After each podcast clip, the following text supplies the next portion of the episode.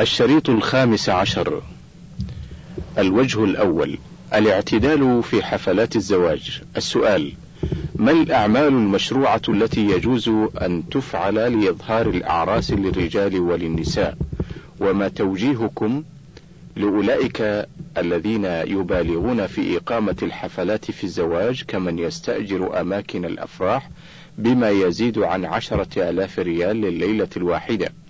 ومن يبالغ في تقديم المأكولات والأطعمة وكذلك فستان العروس الذي قد يصل ثمنه إلى سبعة عشر ألف ريال. الجواب الحفلات التي تقام للزواج أو تقام لمناسبات أخرى كغيرها من التصرفات التي يتصرف بها الإنسان أي أنها إذا كانت في الحدود الشرعية فلا بأس بها وإذا زادت عن الحدود الشرعية كانت حراما. فإن الله سبحانه وتعالى ذكر قاعدة عامة في كتابه فقال تعالى: وكلوا واشربوا ولا تسرفوا سورة الأعراف من الآية الواحدة والثلاثين. فكل ما كان فيه إسراف وخرج عن حدود الاعتدال فيه فهو خرج عن حدود الاعتدال فإنه منهي عنه. وقد امتدح الله والذين إذا أنفقوا لم يسرفوا ولم يقتروا وكان بين ذلك قواما. سورة الفرقان الآية السابعة والستون. والذي أنصح به إخواننا أن يكونوا في حفلات الزواج معتدلين في نفقاتهم بالنسبة للولائم وبالنسبة للمكان وبالنسبة لللباس لأن أعظم النكاح بركة أيسره مؤونة. وهذه النفقات الزائدة تحول بين الشباب وبين الزواج لأن هذه النفقات تستدعي أموالا والأموال ستكون على حساب الزوج الذي يتقدم لهذه المرأة. الهامش مجلة الدعوة العدد رقم 1307 الشيخ ابن عثيمين. انتهى الهامش. حكم من يضرب زوجته ويأخذ منها مالها بالقوة. السؤال ما حكم الشرع في نظرك في من يضرب زوجته ويأخذ منها مالها بالقوة ويعاملها معاملة سيئة. الجواب هذا الذي يضرب زوجته ويأخذ مالها ويعاملها معاملة سيئة آثم عاص لله عز وجل لقوله تعالى وعاشرهن بالمعروف سورة النساء الآية العاشرة. وقوله تعالى ولهن مثل الذي عليهن بالمعروف سورة البقرة الآية الثامنة والعشرون. ومئتين. الآية رقم 228 ولا يجوز لأحد أن يعامل امرأته هذه المعاملة السيئة ثم يذهب ليطالبها أن تعامله معاملة حسنة. فإن هذا من الجور الداخلي في قوله تعالى ويل للمطففين الذين إذا اكتالوا على الناس يستوفون وإذا كالوهم أو وزنوهم يخسرون. سورة المطففين الآية الثالثة. فكل إنسان استوفى حقه من الناس كاملا ثم لا يعطي الناس حقوقهم كاملة فإنه داخل في هذه الآيات الكريمة. والذي أنصح به هذا وأمثاله أن يتقي الله عز وجل في النساء كما أمر بذلك النبي صلى الله عليه وسلم في خطبته في عرف عام حجة الوداع حيث قال فاتقوا الله في النساء فإني فإنكم أخذتموهن بأمان الله واستحللتم فروجهن بكلمة الله.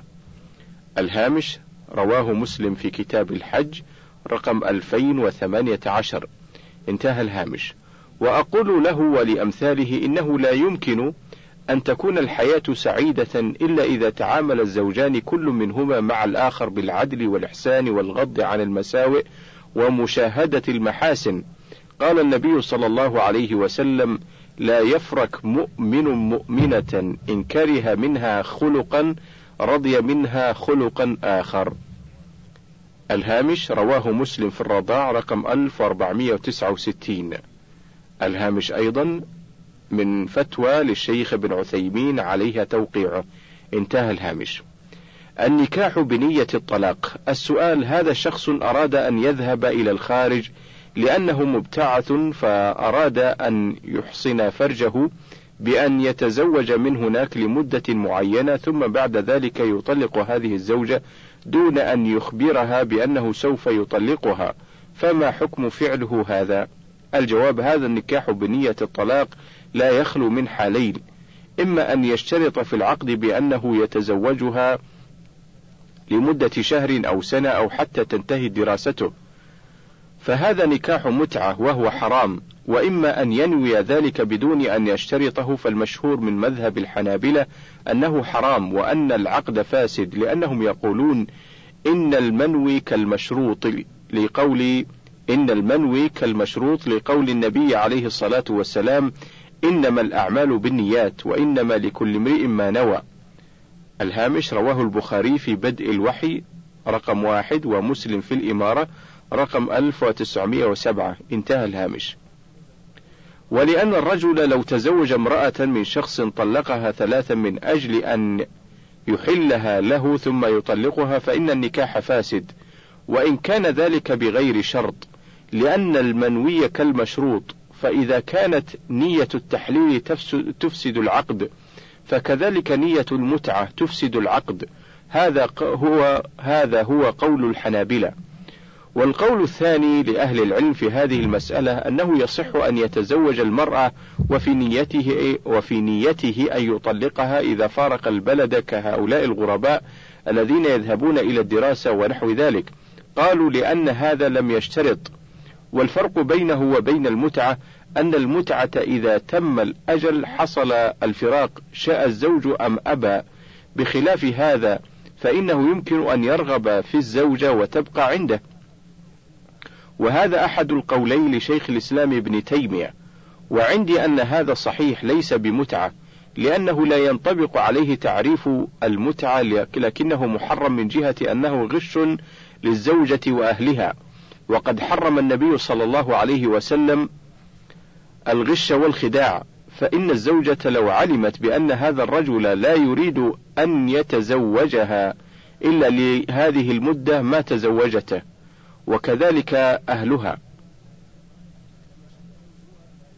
كما أنه هو لا يرضى أن يتزوج ابنته أن يتزوج ابنته شخص في نيته أن يطلقها إذا انتهت حاجته منها. فكيف يرضى لنفسه أن يعامل, أن يعامل غيره أن يعامل غيره بمثل ما يرضاه لنفسه؟ هذا خلاف الإيمان لقول النبي عليه الصلاة والسلام لا يؤمن أحدكم حتى يحب لأخيه ما يحب لنفسه. الهامش رواه البخاري في الإيمان رقم ثلاثة عشر ومسلم في الإيمان رقم خمسة وأربعين. انتهى الهامش. ولأنني سمعت أن بعض الناس اتخذ من هذا القول ذريعة إلى أمر لا يقول به أحد وهو أنهم يذهبون إلى البلاد للزواج فقط. يذهبون إلى هذه البلاد ليتزوجوا ثم يبقوا ما شاء الله مع هذه الزوجة الذي نوى أن زواجه منها آه، مؤقت ثم يرجع. فهذا أيضا محظور عظيم في هذه المسألة فيكون سد الباب فيها أولى لما فيها من الغش والخداع والتغرير ولأنها تفتح مثل هذا الباب لأن الناس جهال وأكثر الناس لا يمنعهم الهوى من تعدي محارم الله. الهامش فتاوى المرأة ابن عثيمين في الصفحتين الثامنة والأربعين والتاسعة والأربعين. انتهى الهامش. حكم الزواج من الخارج بنية الطلاق والفرق بينه وبين المتعة. السؤال بعض المسلمين يسافرون للدراسة وغيرها إلى الخارج فهل يجوز له أن يتزوج بنية الطلاق؟ وما الفرق بينه وبين زواج المتعة؟ أرجو توضيح هذا الأمر وفقكم الله. الجواب الزواج في الخارج فيه ضرر عظيم وخطر, وخطر كبير. فلا يجوز السفر للخارج إلا بشروط مهمة. لأن السفر للخارج يعرضه للكفر بالله ويعرضه للمعاصي من شرب الخمر وتعاطي الزنا وغير هذا من الشرور وغير هذا من الشرور. ولهذا نص العلماء على تحريم السفر إلى بلاد الكفار عملا بقول النبي صلى الله عليه وسلم أنا بريء من كل مسلم يقيم بين بين المشركين. الهامش رواه أبو داود في الجهاد رقم 2645 والترمذي في السير رقم 1604 والنسائي في القسامة رقم 36 الجزء الثامن. انتهى الهامش. فالإقامة بينهم خطيرة جدا سواء كانت للسياحة أو للدراسة أو للتجارة أو غير ذلك. فهؤلاء المسافرون من الطلبة من الثانوي والمتوسط أو للدراسة الجامعية على خطر عظيم والواجب على الدولة وفقها الله أن تؤمن لهم الدراسة في الداخل وليس لها أن تسمح لهم بالسفر إلى الخارج لما فيه من الخطر العظيم. وقد نشأ عن ذلك شر كثير من الردة والتساهل بالمعاصي من الزنا وشرب الخمور وأعظم من ذلك ترك الصلوات. كما هو معلوم عند من سبر أحوال من يسافر للخارج إلا من رحم الله منهم وهم القليل. فالواجب منعهم من ذلك وألا يسافر إلا الرجال المعروفون بالدين والإيمان والعلم والفضل إذا كان ذلك للدعوة إلى الله أو التخصص لأمور تحتاجها الدولة الإسلامية. وعلى المسافر المعروف بالعلم والفضل والإيمان واجب الاستقامة حتى يدعو إلى الله على بصيرة ويتعلم ما بعث من أجله. وحتى وقد يستثنى من ذلك وقد يستثنى من ذلك ما يضطر إليه من العلوم وليس له من يدرسه ولا يتيسر استخدام من يدرسه وأن يكون المبتعث ممن عرف بالدين والإيمان والعلم والفضل كما ذكرنا آنفا.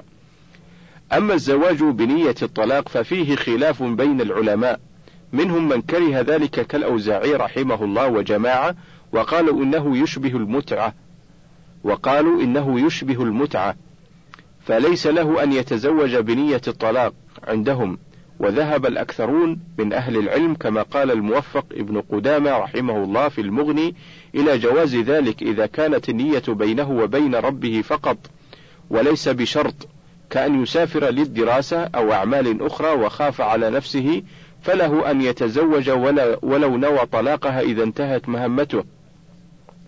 وهذا هو الأرجح إذا كان ذلك بينه وبين ربه فقط من دون مشارطة ولا إعلام للزوجة ولا وليها بل بينه وبين الله.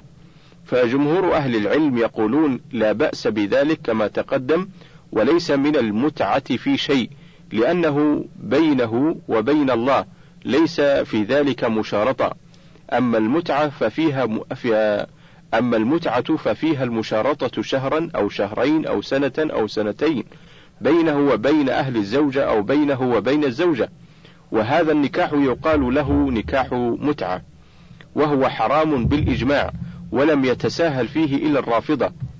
وكان مباحا في أول الإسلام ثم نسخ وحرمه الله إلى يوم القيامة كما ثبت ذلك في الأحاديث الصحيحة عن النبي صلى الله عليه وسلم. أما أن يتزوج في بلاد سافر إليها للدراسة أو لكونه سفيرا أو لأسباب أخرى تسوغ تسوغ له السفر إلى بلاد الكفار فإنه يجوز له النكاح بنية الطلاق إذا أراد أن يرجع كما تقدم إذا احتاج إلى الزواج خوفا على نفسه.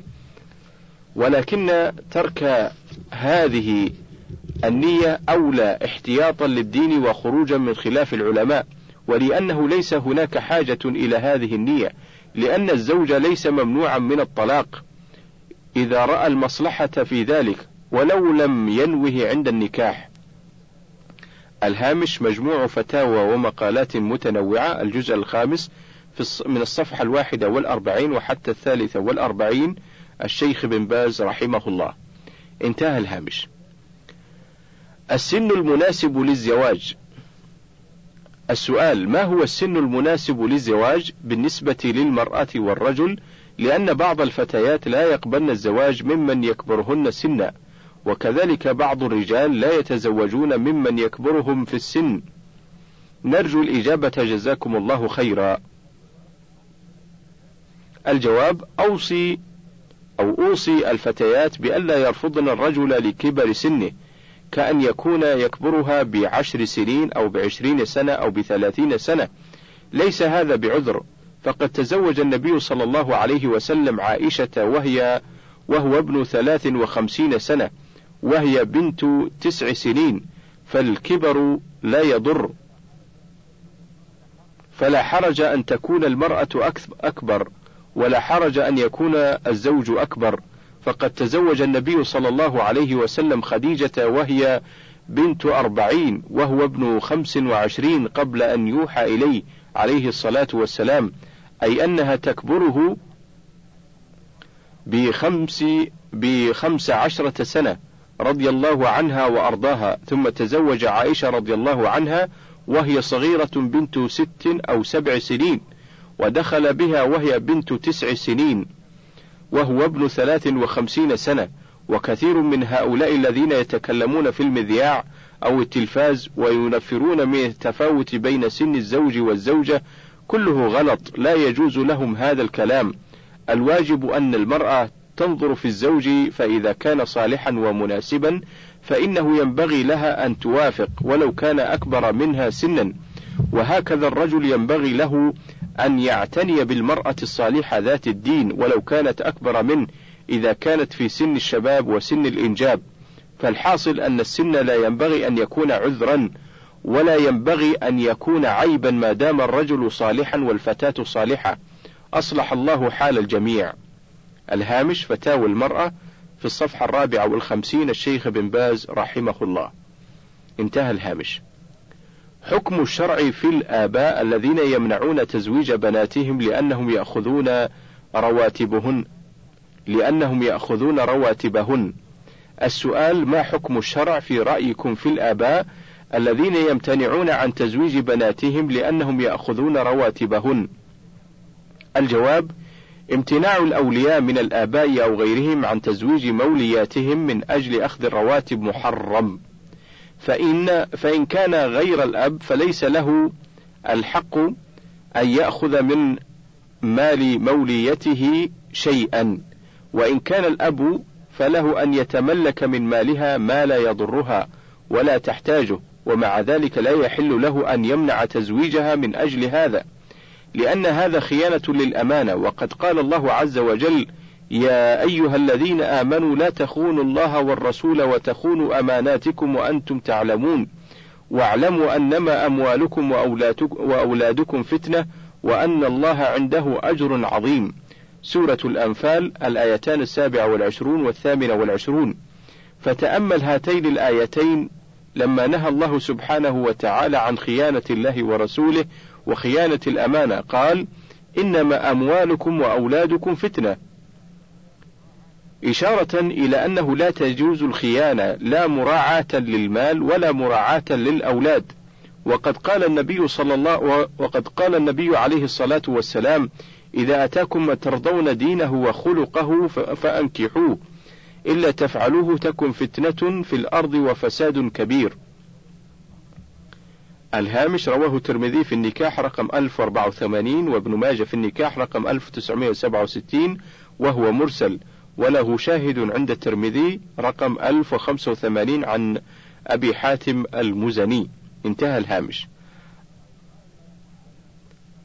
أو قال عريض وإذا قدر أن الأب أو غيره وإذا قدر أن الأب أو غيره من الأولياء امتنع من تزويج موليته كفءا لها فإنه في هذه الحال تنتقل الولاية إلى غيره من الأولياء الأولى فالأولى.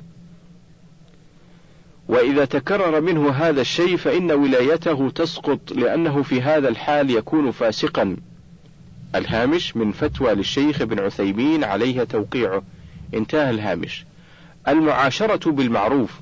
السؤال إنني متزوجة منذ نحو خمس وعشرين سنة ولدي العديد من الأولاد والبنات وأواجه كثيرا من المشكلات من قبل زوجي فهو يكثر من إهانتي أمام أولادي وأمام القريب والبعيد ولا يقدرني أبدا من دون سبب ولا أرتاح إلا عندما يخرج من البيت مع العلم أن هذا الرجل يصلي ويخاف الله.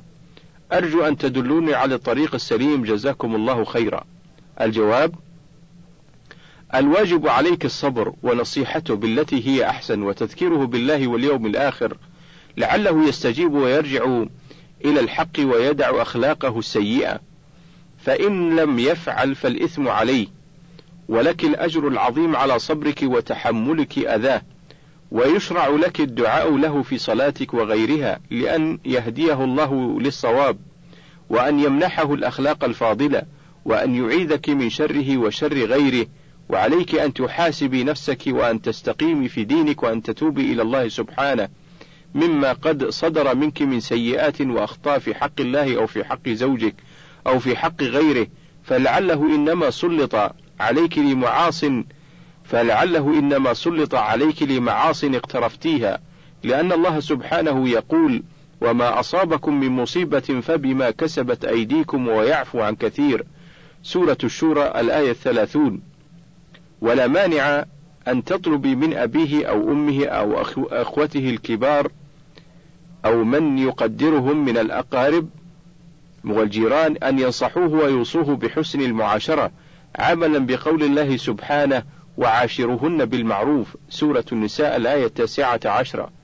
وقول الله عز وجل ولهن مثل الذي عليهن بالمعروف وللرجال عليهن درجة سورة البقرة الآية الثامنة والعشرون بعد المئتين.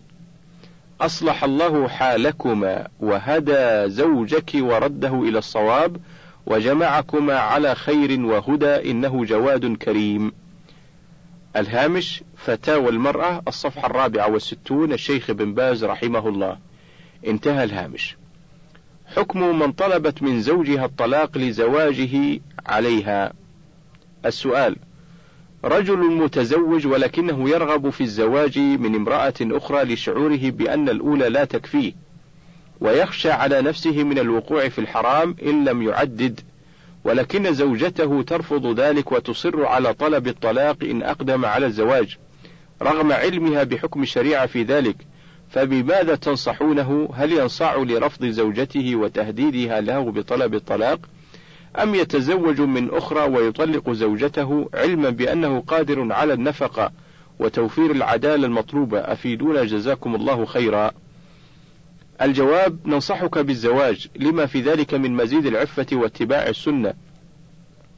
وننصحك أيضا بعدم الطلاق ونوصيها بتقوى الله والصبر على والصبر وعدم طلب الطلاق. وسيجعل الله لك ولها فرجا ومخرجا كما قال سبحانه ومن يتق الله يجعل له مخرجا ويرزقه من حيث لا يحتسب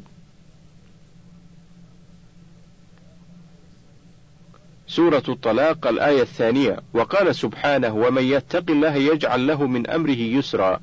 سورة الطلاق الآية الرابعة. وفق الله الجميع. الهامش فتوى للشيخ عبد العزيز بن باز رحمه الله في الحادي عشر من الشهر السادس من عام 1412 للهجرة وعليها ختمه. انتهى الهامش. حكم زف العريس مع العروس أمام النساء. السؤال ما حكم ما يفعله بعض الناس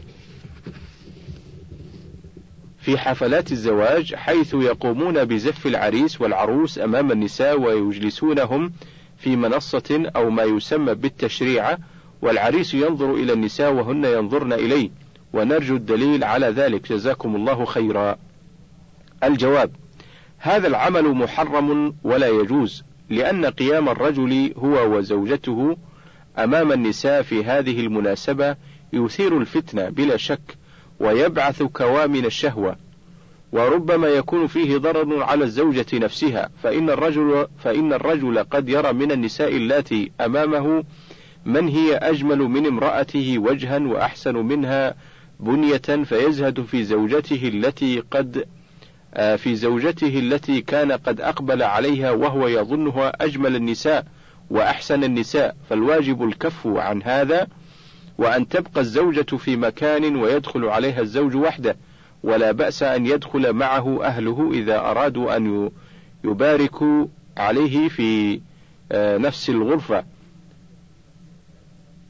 بدون أن يكون هو جالسا إلى جنب الزوجة يحدثها ويخاطبها أو يفعل مع ما يفعله بعض السفهاء من إعطائها حلاوة أو ما أشبه ذلك. وكل هذه عادات ليست من عادات المسلمين وإنما هي عادات مستحدثة أتى بها أعداء الإسلام إلى المسلمين فاستمرؤوها واستساغوها. الهامش من فتوى للشيخ ابن عثيمين عليها توقيعه انتهى الهامش.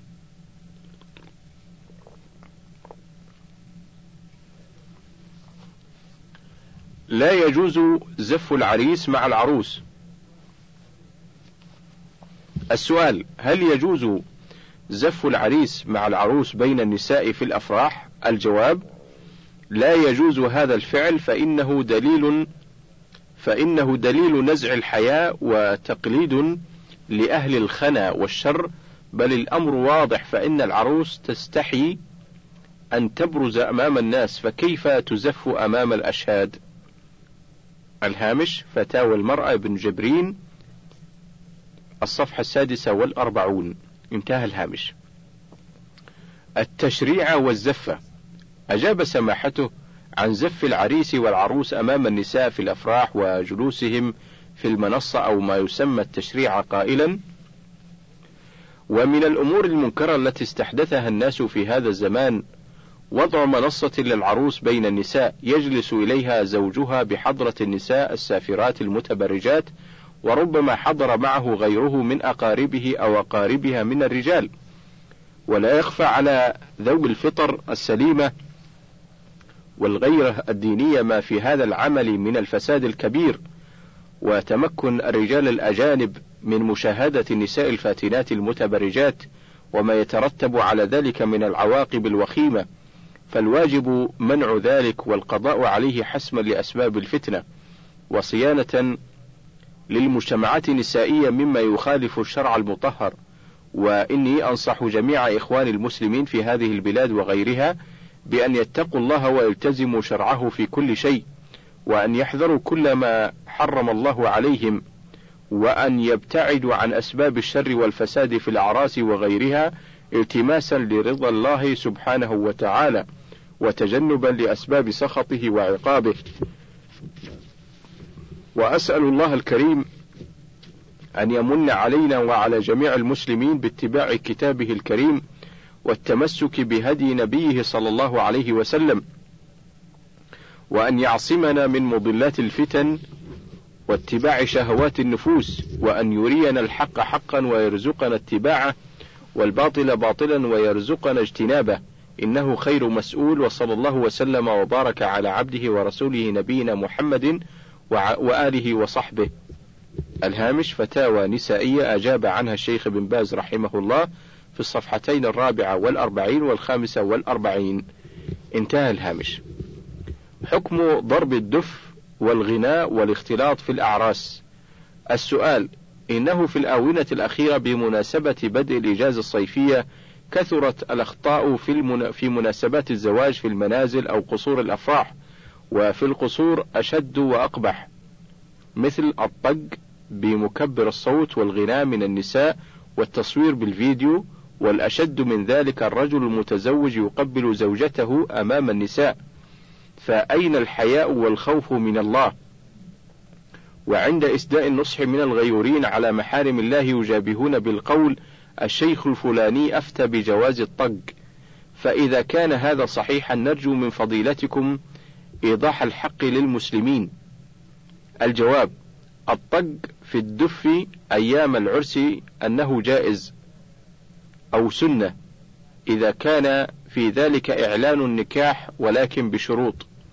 الشرط الأول أن يكون الضرب بالدف وهو ما يسمى عند بعض الناس بالطار وهو المختوم من وجه واحد لأن المختوم من الوجهين يسمى الطبل وهو غير جائز لأنه من آلات العزف والمعازف كلها حرام إلا ما دل الدليل على حله وهو الدف حال أيام العرس. الشرط الثاني ألا يصحبه محرم كالغناء الهابط المثير للشهوة. فإن هذا ممنوع سواء كان معه أم لا وسواء كان في أيام العرس أم لا. الشرط الثالث ألا يحصل بذلك فتنة كظهور الأصوات الجميلة للرجال فإن حصل بذلك فتنة كان ممنوعا. الشرط الرابع ألا يكون في ذلك أذية على أحد فإن كان فيه أذية كان ممنوعا مثل أن تظهر الأصوات عبر المكبر عبر مكبرات الصوت فإن في ذلك أذية على الجيران وغيرهم ممن ينزعج بهذه الأصوات ولا يخلو من فتنة أيضا. وقد نهى النبي صلى الله عليه وسلم المصلين أن يجهر بعضهم على بعض في القراءة لما في ذلك من التشويش والإيذاء فكيف بأصوات الدفوف والغناء؟ وأما تصوير المشاهد بآلة التصوير فلا يشك عاقل في قبحه ولا يرضى عاقل فضلا عن المؤمن أن تلتقط صور محارمه من الأمهات والبنات والأخوات والزوجات وغيرهن لتكون سلعة تعرض لكل واحد أو ألعوبة يتمتع بالنظر إليها كل فاسق. وأقبح من ذلك تصوير المشهد بواسطة الفيديو لأنه يصور المشهد حيا بالمرأة والمسمع. وهو أمر ينكره كل ذي عقل سليم ودين مستقيم. ولا يتخيل أحد أن يستبيحه من عنده حياء وأيمان. وأما الرقص من النساء فهو قبيح لا نفتي بجوازه لما بلغنا من الأحداث التي بين النساء بسببه. وأما إن كان من الرجال فهو أقبح وهو من تشبه الرجال بالنساء ولا يخفى ما فيه.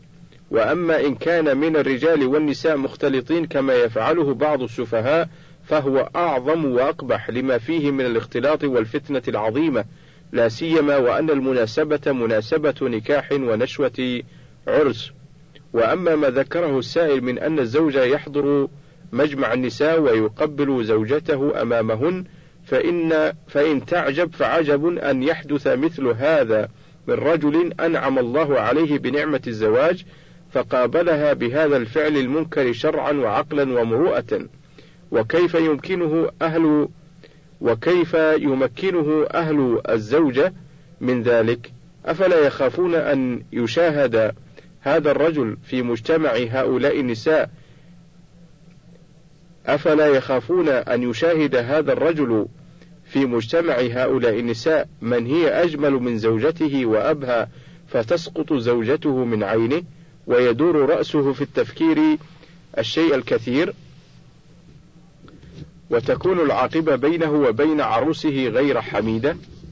إنني في ختام جوابي هذا أنصح إخواني المسلمين منع القيام بمثل هذه الأعمال السيئة وأدعوهم إلى القيام بشكر الله على هذه النعمة وغيرها وأن يتبعوا طريق السلف الصالح فيقتصروا على ما جاءت به السنة.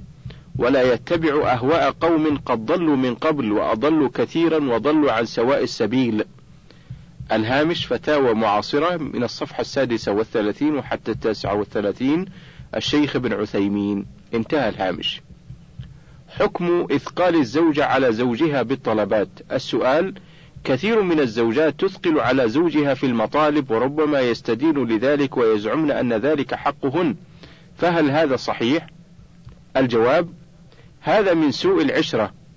فقد قال سبحانه وتعالى لينفق ذو سعة من سعته ومن قدر عليه رزقه فلينفق مما آتاه الله. لا يكلف الله نفسا إلا ما آتاها. سورة الطلاق الآية السابعة.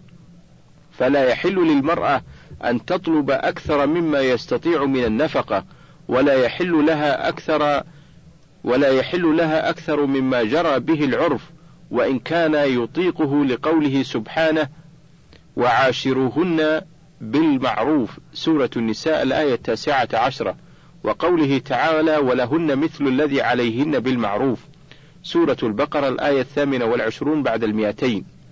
وكذلك فلا يحل للزوج أن يمنع الواجب عليه من النفقة لأن بعض الأزواج لا يقوم بالواجب عليه من الإنفاق على زوجته وأهله لشدة بخله وللمرأة في هذه الحالة أن تأخذ منه ما تقوم به حاجتها ولو بدون علمه. وقد وقد اشتكت هند بنت عتبة إلى رسول الله صلى الله عليه وسلم أن أبا سفيان رجل شحيح لا يعطيها من النفقة ما يكفيها وأولادها فقال لها خذي ما يكفيك من ماله ويكفي بيتك بالمعروف. الهامش رواه البخاري في البيوع رقم 2211 ومسلم في الأقضية رقم 1714 الهامش أيضا مجموع دروس فتاوى الحرم المكي الجزء الثالث في الصفحة التاسعة والأربعين بعد المئتين والخمسين بعد المئتين. الشيخ بن عثيمين. انتهى الهامش. حكم الدف في العرس. السؤال ما حكم ضرب الدف في الزواج بعد اليوم السابع منه وهل يجوز استخدام آلات أخرى غير الدف؟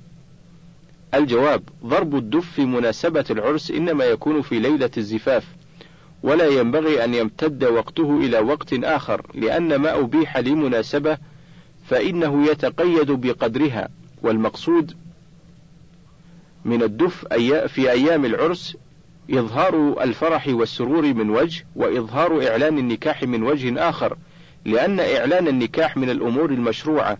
وأما الاستمرار فيه فلا أرى فيه رخصة. أما غير الدف من آلات له فإنها باقية على الأصل أي على التحريم لما ثبت في صحيح البخاري عن أبي مالك الأشعري رضي الله عنه أن النبي صلى الله عليه وسلم قال: ليكونن من أمتي أقوام يستحلون الحر والحرير والخمر والمعازف. الهامش رواه البخاري في الأشربة رقم خمسة آلاف وخمسمائة وتسعين. انتهى الهامش. وأي يستحلون الحر أي الفرج يعني الزنا والعياذ بالله والحرير والخمر والحرير والخمر معروفان والمعازف كل آلات له. ويستثنى منها ما ورد في السنة حله فإنه يكون حلالا ومنه ضرب الدف في مناسبة العرس. الهامش الدعوة في التاسع عشر من الشهر السابع من عام اثني عشر وأربعمائة وألف للهجرة العدد رقم ألف وثلاثمائة وخمسة وعشرين الشيخ ابن عثيمين. انتهى الهامش. حكم ضرب الزوج زوجته وضوابطه الشرعية. السؤال ما حكم ضرب الزوج زوجته وما, وما الضوابط الشرعية لذلك؟ جزاكم الله خيرا. الجواب قال الله تبارك وتعالى وعاشرهن بالمعروف. في سورة النساء الآية التاسعة عشرة. وقال ولهن مثل الذي عليهن بالمعروف. سورة البقرة الآية الثامنة والعشرون بعد المئتين. ولا يجوز للإنسان أن يضرب زوجته إلا في الحدود الشرعية التي أباحها الله عز وجل. كما في قوله تعالى واللاتي تخافون نشوزهن فعظوهن واهجرهن في المضاجع واضربوهن فإن أطعنكم فلا تبغوا عليهن سبيلا إن الله كان عليا كبيرا. سورة النساء الآية الرابعة والثلاثون. ثم إن الإنسان لا ينبغي له أن يتعجب في مثل هذه الأمور لأن ضرب الإنسان لزوجته يوجد سوء العشرة بينهما ثم الانفصال. وهذا أمر لا ينبغي للإنسان العاقل. الهامش من فتوى للشيخ ابن عثيمين عليه توقيعه. انتهى الهامش. شرح حديث استوصوا بالنساء خيرا وشرح معنى العوج فيه. السؤال في الحديث استوصوا بالنساء خيرا فإن المرأة خلقت من ضلع أعوج وإن أعوج ما في الضلع أعلاه. إلى آخر الحديث. والرجاء توضيح معنى الحديث مع توضيح معنى أعوج. مع توضيح مع معنى أعوج ما في الضلع أعلاه. الجواب. هذا حديث صحيح رواه الشيخان في الصحيحين عن النبي صلى الله عليه وسلم من حديث أبي هريرة رضي الله عنه قال صلى الله عليه وسلم استوصوا بالنساء خيرا فإنهن خلقن من ضلع وإن أعوج ما وإن أعوج شيء في الضلع أعلاه فاستوصوا بالنساء خيرا. انتهى. الهامش رواه البخاري في أحاديث الأنبياء رقم ثلاثة آلاف وثلاثمائة واحد وثلاثين. انتهى الهامش. هذا أمر للأزواج والآباء والإخوة وغيرهم أن يستوصوا بالنساء خيرا وأن يحسنوا إليهن وأن لا يظلموهن وأن يعطوهن حقوقهن ويوجهوهن إلى الخير. وهذا هو الواجب على الجميع لقوله عليه الصلاة والسلام استوصوا بالنساء خيرا. وينبغي ألا يمنع من ذلك كونها قد تسيء قد تسيء في بعض الأحيان إلى زوجها وأقاربها بلسانها أو فعلها لأنهن خلقن من ضلع كما قال النبي صلى الله عليه وسلم وإن أعوج شيء في الضلع أعلاه ومعلوم أن أعلاه مما يلي منبت الضلع فإن الضلع يكون فيه عجاج وهذا معروف فالمعنى أنه لا بد أن يكون في خلقها شيء من العوج والنقص. فالمعنى أنه لا بد أن يكون في خلقها شيء من العوج والنقص. ولهذا ورد في الحديث الآخر في الصحيحين ما رأيت من ناقصات عقل ودين أذهب للب الرجل الحازم من إحداكن. الهامش رواه البخاري في الحيض رقم 304 ومسلم في الإيمان رقم 80 انتهى الهامش. والمقصود أن هذا حكم النبي صلى الله عليه وسلم وهو ثابت في الصحيحين من حديث أبي سعيد الخدري رضي الله عنه. ومعنى نقص ومعنى نقص العقل كما قال النبي صلى الله عليه وسلم أن شهادة المرأتين تعدل شهادة رجل واحد وأن نقص الدين فهو وأما نقص الدين فهو كما قال النبي صلى الله عليه وسلم أنها تمكث الأيام والليالي لا تصلي يعني من أجل الحيض. وهكذا النفاس. وهذا نقص كتبه الله عليها ليس عليها فيه إثم فينبغي لها أن تعترف بذلك على الوجه الذي أرشد إليه النبي صلى الله عليه وسلم ولو كانت ذات علم وتقى لأن النبي صلى الله عليه وسلم لا ينطق عن الهوى وإنما ذلك منه وحي يوحيه الله إليه فيبلغه الأمة كما قال عز وجل والنجم إذا هوى ما ضل صاحبكم وما غوى وما ينطق عن الهوى إن هو إلا وحي يوحى. سورة النجم الآية من الآية الأولى وحتى الرابعة. الهامش مجموع فتاوى ومقالات متنوعة. الجزء الخامس في الصفحتين الثلاثمائة والثلاثمائة واحد الشيخ بن باز رحمه الله. انتهى الهامش. وبهذا ينتهي الوجه الأول وننتقل إلى الوجه الثاني.